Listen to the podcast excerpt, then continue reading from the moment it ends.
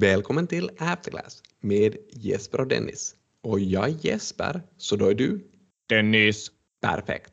måste vi prata om Elon Musk igen? Ja, efter hans eh, numera officiella bud på hela Twitter. Nej, det tänkte jag faktiskt att vi inte skulle göra. Jag vet inte, ja, den senaste tiden så har jag känt att jag har översvämmats av sådana här artiklar kring bra skolor och kanske då lite sämre skolor som då har kommit upp i diverse medier. Och det här är speciellt den här finländska grundskolan som jag pratar om. Ja, jag såg faktiskt också det där att årets Kiva-skola hade utsetts. Och då var det Chimitoneidens skola. Så där får vi gratulera. Ja, så är det så att om man vill att ens barn eller om man själv vill gå en bra skola så ska man då flytta till Chimito. För åtminstone är det på det här sättet som många tänker runt om i världen, att man bestämmer var man bor beroende på hur bra den lokala skolan är. Men egentligen hör man ju ganska sällan något ställe säga att vi har den bästa grundskolan. På ett högre plan hör man ju dock säga att Finland, vi har den, de bästa skolorna. Men håller du med om det här? Går man lägre ner, mindre reklam om skolor. Det känns nästan lite tabubelagt att kommunerna skulle börja strida om vem som har de bästa grundskolorna. Men däremot så tror jag väl att det här skulle finnas ganska mycket utrymme för kommunerna att marknadsföra sina grundskolor. Så är det här någon form av gratis tips som vi ger till kommunpolitiskt aktiva? Ja, och tipsen är då börja marknadsföra sina grundskolor givet att de är bra. Och om de inte är bra så kanske man måste förbättra dem till en sån nivå att man kan börja marknadsföra sina grundskolor. Och det där var alltså ett gratis tips. Vanligen skulle det ta några konsulter tre månader och ska vi säga 50 000 euro för det där. Men nu, nu, nu är det billigt. Ja, vi sprider kvalitet runt oss hela tiden. På tal om kvalitet så hade ju säkert konsulter också kommit fram till att byta det här slogan för Jakobstadsregionen från här bor kvaliteten till världens bästa plats. Den där gula bollen lämnade kvar. Där känner jag nästan att skulle vi också kunna, kunna lösa den nöten. Ja, det är väl lite frågan om om Jakobstad är världens bästa plats. Om jag googlar det där får jag faktiskt svaret. Jag får en topplista här. Zürich är i toppen. Auckland också. Jakobstad syns inte till tyvärr. Ja, så det är svårt att veta då kanske.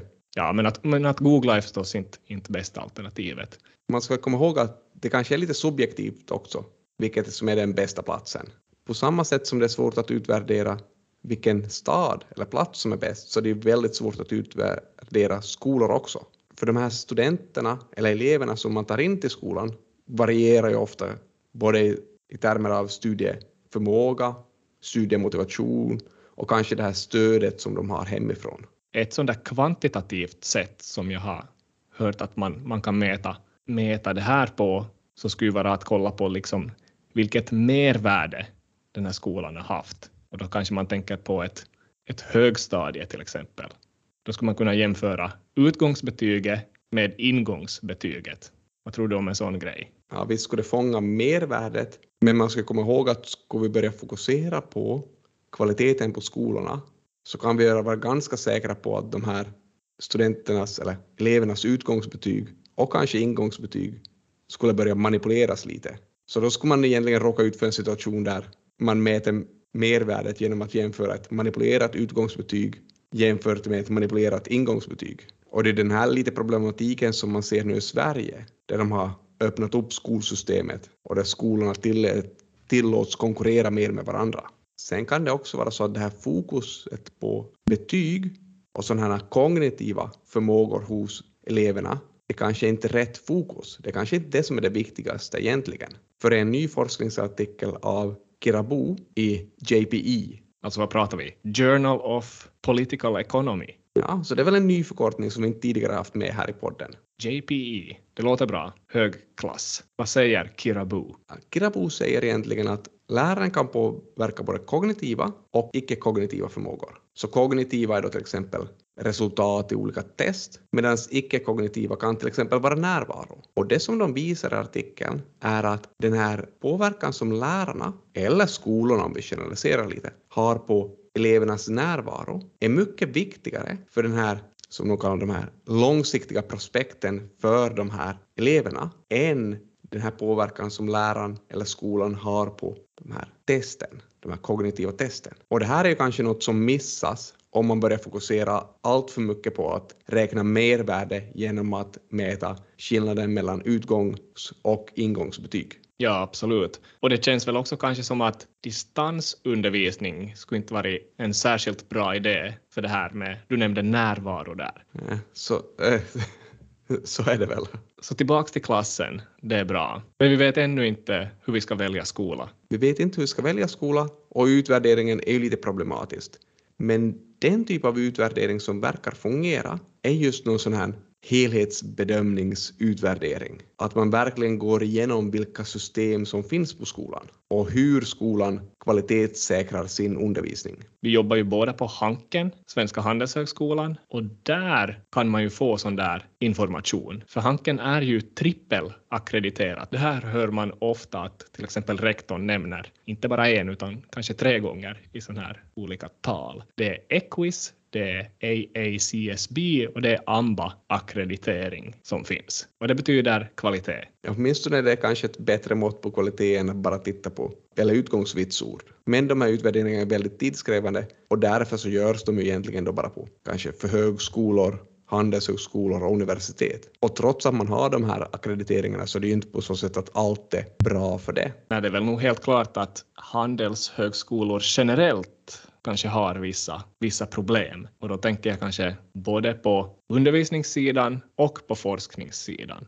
För det där Equis, det är ju någon slags lite mer forskningsinriktad akkreditering. AACSB, mera undervisningsinriktad akkreditering. Och sen det där AMBA, då är det mer kvalitet gällande sådana här fortbildningsaktiviteter eh, såsom det här MBA-programmet. Och det var ju faktiskt här på den här sista AACSB rektorskonferensen så fanns en, en man där som heter Sidney Finkelstein. Så han var där och, och diskuterade lite problemen med handelshögskolor. Och vi känner ju Sidney väl, mycket väl, en underbar person. Åtminstone så har vi ju frekvent citerat hans forskning. Och han delade ut lite kritik, sa du, till handelshögskolorna generellt. Ja, han börjar med, med undervisningen. Han säger att det är för lite vikt på undervisningen vid så kallade B-schools eller business schools. Och det kan man väl hålla med om. Många som jobbar på en handelshögskola är ju kanske främst forskare och sen blir det ofta att den där undervisningen kommer i andra hand. Jag menar, träffar man någon från någon annan högskola så frågar det ofta av en själv att äh, Hej Dennis, what's your teaching load? Och där insinuerar man alltså att den här undervisningen är en börda av något slag, även om det kanske inte borde vara så. Ibland kan det till och med vara så att vissa personer tycker att folk som fokuserar på undervisningen inte är seriösa forskare, utan att om du är en seriös forskare så borde all din tid gå till just forskning. Men nu klagade väl Sydney på någonting annat också med Handelshögskolornas undervisning. Ja, han sa också det här att kärnkurserna vid de här skolorna är ju i princip identiska, vilket gör att produkten som handelshögskolorna har, alltså undervisningen då, är i princip en handelsvara. Man kan köpa den varifrån som helst. Det spelar ingen roll. Och handelshögskolorna för, försöker då tävla med varandra genom att då få olika akkrediteringar på sin undervisning och forskning för att då indikera att produkten är lite bättre vid just den här handelshögskolan. Lite så har det väl blivit, men i verkligheten kanske man också borde inse att man också tävlar med andra informationsgivare. Jag menar, du kan också gå in på Youtube och lära dig ganska mycket. Ja, för det är verkligen så att handelshögskolor eller universitet för den delen har ju ingen patent på utlärningen. Nej, inte på något sätt. Det enda patentet som finns är att man kanske får ett betyg med fina stämplar på då man utexamineras. Och då kan man fråga sig, är det enda konkurrensfördelen som finns? Och om det är så, så kan man ju faktiskt fråga sig, är det en hållbar konkurrensfördel? Ja, verkligen. På Svenska handelshögskolan så försöker vi ofta påstå också att den här gemenskapen som skapas här bland studenterna är någon typ av konkurrensfördel också. På sätt och vis är väl nog det någonting som man kan skriva under. Men det betyder samtidigt också att sån här distansundervisning är riktigt döden för handelshögskolor. Distansundervisning också vara en del av lösningen. Om man tänker som vi sa här att många handelshögskolor har samma eh, grundkurser, eller kärnkurser kanske är ett bättre ord för det. Så de här kärnkurserna kunde då kanske ges via, via sådana här MOOCs. Massive Open Online Course. Hanken har ju kört några sådana också, bland annat en sån här finanskurs med Björn Nalle Valros här på sistone också. Så kanske det är en rätt väg att gå. Man har ju helt andra resurser om man tänker sig att man skapar en kurs för 10 000 studenter jämfört med om man skapar en onlinekurs eller en vanlig kurs för 50 eller 100 studenter. Så då kan man ju till exempel attrahera personer då som Nalle Valros för att komma och föreläsa lite på den här kursen. Så det kunde ju vara ett sätt att åtminstone göra den här undervisningen mer kostnadseffektiv. Men allt det här är ju kanske inte ändå riktigt lösningar för handelshögskolor, åtminstone inte för Svenska handelshögskolan. För här känns det ju som att vi bara flyttar bort då undervisningen från oss till någon annan institution. För det är ju knappast vi som kommer att leverera de här väldigt stora MOOC-kurserna i framtiden. Du har rätt. Så lösningen för oss är väl ändå någon typ av differentiering. Man måste sticka ut. Så på handelshögskolsnivå så kanske Hanken gör det här då via Humanitarian Logistics som ett exempel. Så det kan ju vara en helt okej idé. På personnivå så kanske vissa gör det här genom att ha en egen podcast. Du tänker lite AC där, after class. Det är ju ett steg att gå ur den här bekvämlighetszonen i alla fall. Ja, men då har vi löst det lite. Men det här var ju inte det enda som Sidney klagade på. Han klagade visst också lite på de här personerna som jobbade just på universiteten, som dig och mig. Jo, han var ju också inne på det här med att ha personal som kanske inte har så mycket praktisk erfarenhet, utan är mer på en sån här forskningsbetonad karriärstig, där det är forskningen som är relevant och man pressas under en kort tidsperiod att publicera så mycket som möjligt. Så det är ju kanske inte så hållbart heller att ha en sån modell.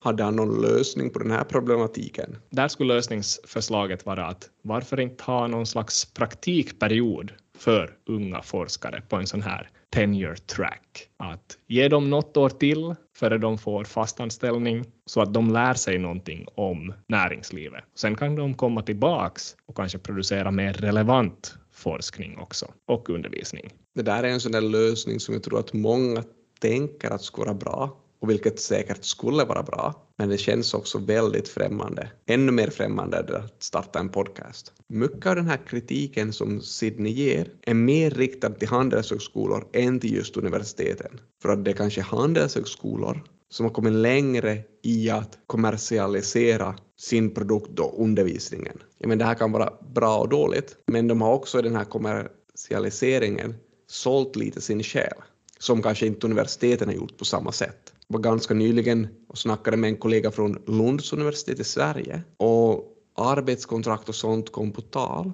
och han berättade att vid Lunds universitet så får man inget arbetskontrakt när man börjar jobba där. Man får inget att skriva under, utan man ska som anställd egentligen se att, att det är en sån ära att få jobba vid Lunds universitet så att man inte ska behöva något formellt arbetskontrakt. Samtidigt som jag berättade det här så började jag faktiskt fundera att är det här, är det här verkligen sant? Men det var vad han sa. Det låter nästan som att det är i strid med kollektivavtal. Men eh, då kanske vi har någonting gott med handelshögskolor i alla fall att säga, för jag har fått ett arbetskontrakt.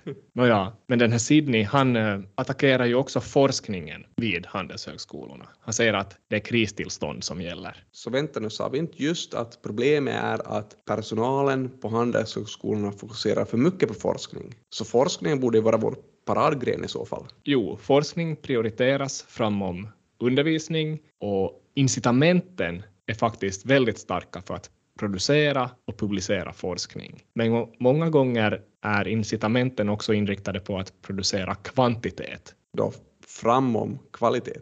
Ja, om man vill klara ett sån här tenure track, en sån här forskningsbetonad karriärstig på fem år, för att få fast anställning måste det finnas x antal publikationer så där finns ju ett tydligt incitament att producera forskning. Men det som Sydney attackerar är att mycket av den här forskningen som produceras varken läses av akademiker själva och allra minst av näringslivet eller statligt anställda. Så det är lite oklart vem som använder den här forskningen i slutändan. Och det är ju väldigt oroväckande om inte ens akademikerna själva orkar läsa den här forskningen som produceras av akademikerkollektivet. Och det här är ju ett resultat av att man är så fokuserad på att producera egen forskning så att man knappt hinner läsa igenom den här forskningen som andra producerar. Jo, så i paradgrenen forskning forskar man bara för att forska och det är kanske inte så mycket ett ändamål att driva samhället framåt. Brukar man prata om sån här paper mills. Har du hört det uttrycket? Jo. Att ska man översätta det till en artikelfabrik. Det är ingen grundforskning direkt. Nej, och sådana här artikelfabriker har blivit möjliga tack vare att artiklarna som publiceras följer ett så tydligt mönster. Att alla artiklar ser nästan likadana ut med endast små variationer då i förstås då, vad man forskar om exakt. Men upplägget är detsamma på alla artiklar, eller många artiklar. Jo, det blir väldigt smala studier och eh, forskarna blir allt smalare också, fast de får mat. Ja, men det tror jag också. Förr om man åkte på en konferens så tror jag att forskare var en ganska sån här heterogen grupp. Det fanns förmodligen några sådana här riktigt vimsiga killar och tjejer, sån här klassiskt med Einstein-hår, som säkert hade väldigt fina idéer, men aldrig lyckades få någonting till pappers. Sen fanns det säkert sådana som var alltför innustade i datat på grund av det inte lyckades producera så mycket. Och så fanns det säkert forskare som egentligen tyckte mycket mer om att undervisa än om att forska och bara tvingades gå på de här forskningskonferenserna lite nu som då. Men så ser det ju inte ut numera. Numera om man går på en konferens, till exempel en konferens för forskare inom finansiell ekonomi, så vet man inte riktigt om man har kommit till en akademisk konferens eller om det är någon typ av möte för elitspelare i League of Legends. För de flesta man träffar där ser ut som de har suttit framför en dataskärm i 18 timmar om dagen och ser ändå superfokuserade ut. Så allt har blivit mer homogent. Och vi pratade om att artiklarna ser likadana ut. Och det här har ju också att göra med att det är mycket mer tidseffektivt de tar till sig en artikel om man vet exakt var allting finns och vet platsen för alla nyckelargument. Så forskarna har blivit mer produktiva, men de kanske inte nödvändigtvis gör mer samhällsnyttig forskning. Nej, alltså vi har väl att göra med väldigt slipade och smarta människor, men vi använder inte dem eller utnyttjar deras fulla potential. Det finns ju mycket andra problem med, med vetenskaplig forskning också. Vi kunde fundera på den här publikationsprocessen, att hur, hur publiceras forskning? Vad är det vanliga nu för tiden? Man har fyra ronder där man sänder in en forskningsartikel till en tidning. Man väntar väldigt länge, kanske ett halvår. Sen får man tillbaks artikeln med kommentarer. Sen har man ett år på sig att adressera kommentarerna och sen repeterar man det där fyra gånger. Och det här är då just om man publicerar artiklar i sådana här peer-reviewed journaler. Alltså det är någon annan forskare har gått igenom vad man då har forskat kring. Och det är ju det man måste för att uppfylla de där tenure track-kriterierna. Och det är alltså det man håller på med då man inte har tid att fokusera på undervisning. Så har vi något ungefär kostnadsestimat på vad det här kostar världen? Alltså, vi har ju nu då en massa forskare som sitter och peer-reviewar andra forskares arbeten. Så jag kollade, det fanns faktiskt en uh, rätt ny artikel av Acel et al i en sån här tidning som heter Research Integrity and Peer Review. Så de estimerar att i USA 2020 så spenderar man över 100 miljoner timmar på sån här peer reviews. Så det skulle motsvara över 15 000 år. Och kostnaden då? Över 1,5 miljarder dollar. För det är ju rätt högbetalda personer som sitter och gör det där ändå. Och det här är för ett år? Ja, det var då 2020 som kanske hade annat då fanns det annat att tänka på också. Men det är ju rätt, rätt mycket som är intressant med den här processen. Då man till exempel slutligen då blir accepterad till den här journalen efter fyra år, så ombeds man ju att fylla i ett sånt här copyright formulär. Och vad är det som det står det där copyright-formuläret då? då? Ingen läser väl de där formulären, men i grund och botten så betyder det väl att rätten till det man har gjort övergår till förlaget. Så du har jobbat på någonting i fyra år, sen ger man bort det. Ja, men man kanske får den här artikeln sen också, från då journalen eller förlaget. Alltså om, om man betalar så får man den utskriven i färg, några kopior som man kan dela ut. Men det kanske kostar då några hundra euro. Men man kanske också får betalt då från förlaget för att man har publicerat den här artikeln där. Nej, nej, alltså man får ju inte, inte betalt. Man kan ju dock eh, läsa själv, man kan ju själv ladda ner den där pdfen av artikeln då den är publicerad. Eh, för att skolan prenumererar ju på den där tidningen. De här prenumerationskostnaderna är förstås då enorma för en handelshögskola. Så det galna här är att du säger att Handelshögskolan betalar ju förstås vår lön för att vi ska forska. Men när vi forskar och publicerar artiklarna så ger vi bort all rätt till de här artiklarna och sen så måste ändå Handelshögskolan köpa prenumerationerna på de här artiklarna som vi själva då har forskat fram. Så det känns som att inte universitetsvärlden eller utbildningssektorn är vinnaren på den här ekvationen. Nej, definitivt. En liten vinnare i spelet är ju forskaren själv som får en rad på sitt CV och ökar karriärutsikterna och eh, kompensationen troligtvis. Men den stora vinnaren är väl ändå förlagen. Så ett sådant där stort förlag är ju Elsevier, kanske du har hört om det. De har just de här stora journalerna JFE, JAE, JAP, det är ju förkortningar som man alltid pratar om. Moderbolaget som äger Elsevier så, så är faktiskt ett börslistat bolag. Tidigare hette det Read Elsevier, så jag vet inte, det är någon slags uppmaning där, läs Elsevier. Men nu heter det Relex och är listat i London och börsvärdet är nu 46 miljarder pund. Basen av vi sa tidigare så måste det här vara rena rama guldgruvan. Alltså vi kan kolla på resultaträkningen här för, för sista, sista perioden, sista året. 7,2 miljarder euro i omsättning och 86 procent är liksom elektroniska källor, så man har nog helt, helt och hållet nästan frångått det här papperstidningar, vad det verkar, och försäljning av sånt. Så där är ju de där prenumerationsavgifterna då, bland annat. Vad blir då vinsten på de här 7,2 miljarderna i omsättning? I fjol då, då lämnade 1,5 miljarder kvar, så det är en sån där 20 procentig marginal, brukar vara där kring 30 nästan. Så det är ju rätt goda tider i det här företaget. Det finns en svensk VD också, Erik Engström. Och han är inte son till den här Stig Engström. Det står desto mer om, om kopplingar till Skandiamannen. På tal om sådana här skolor så han, han är kandidat från Handels i Stockholm, magister från KTH, viktigt kungligt, och sen MBA från Harvard.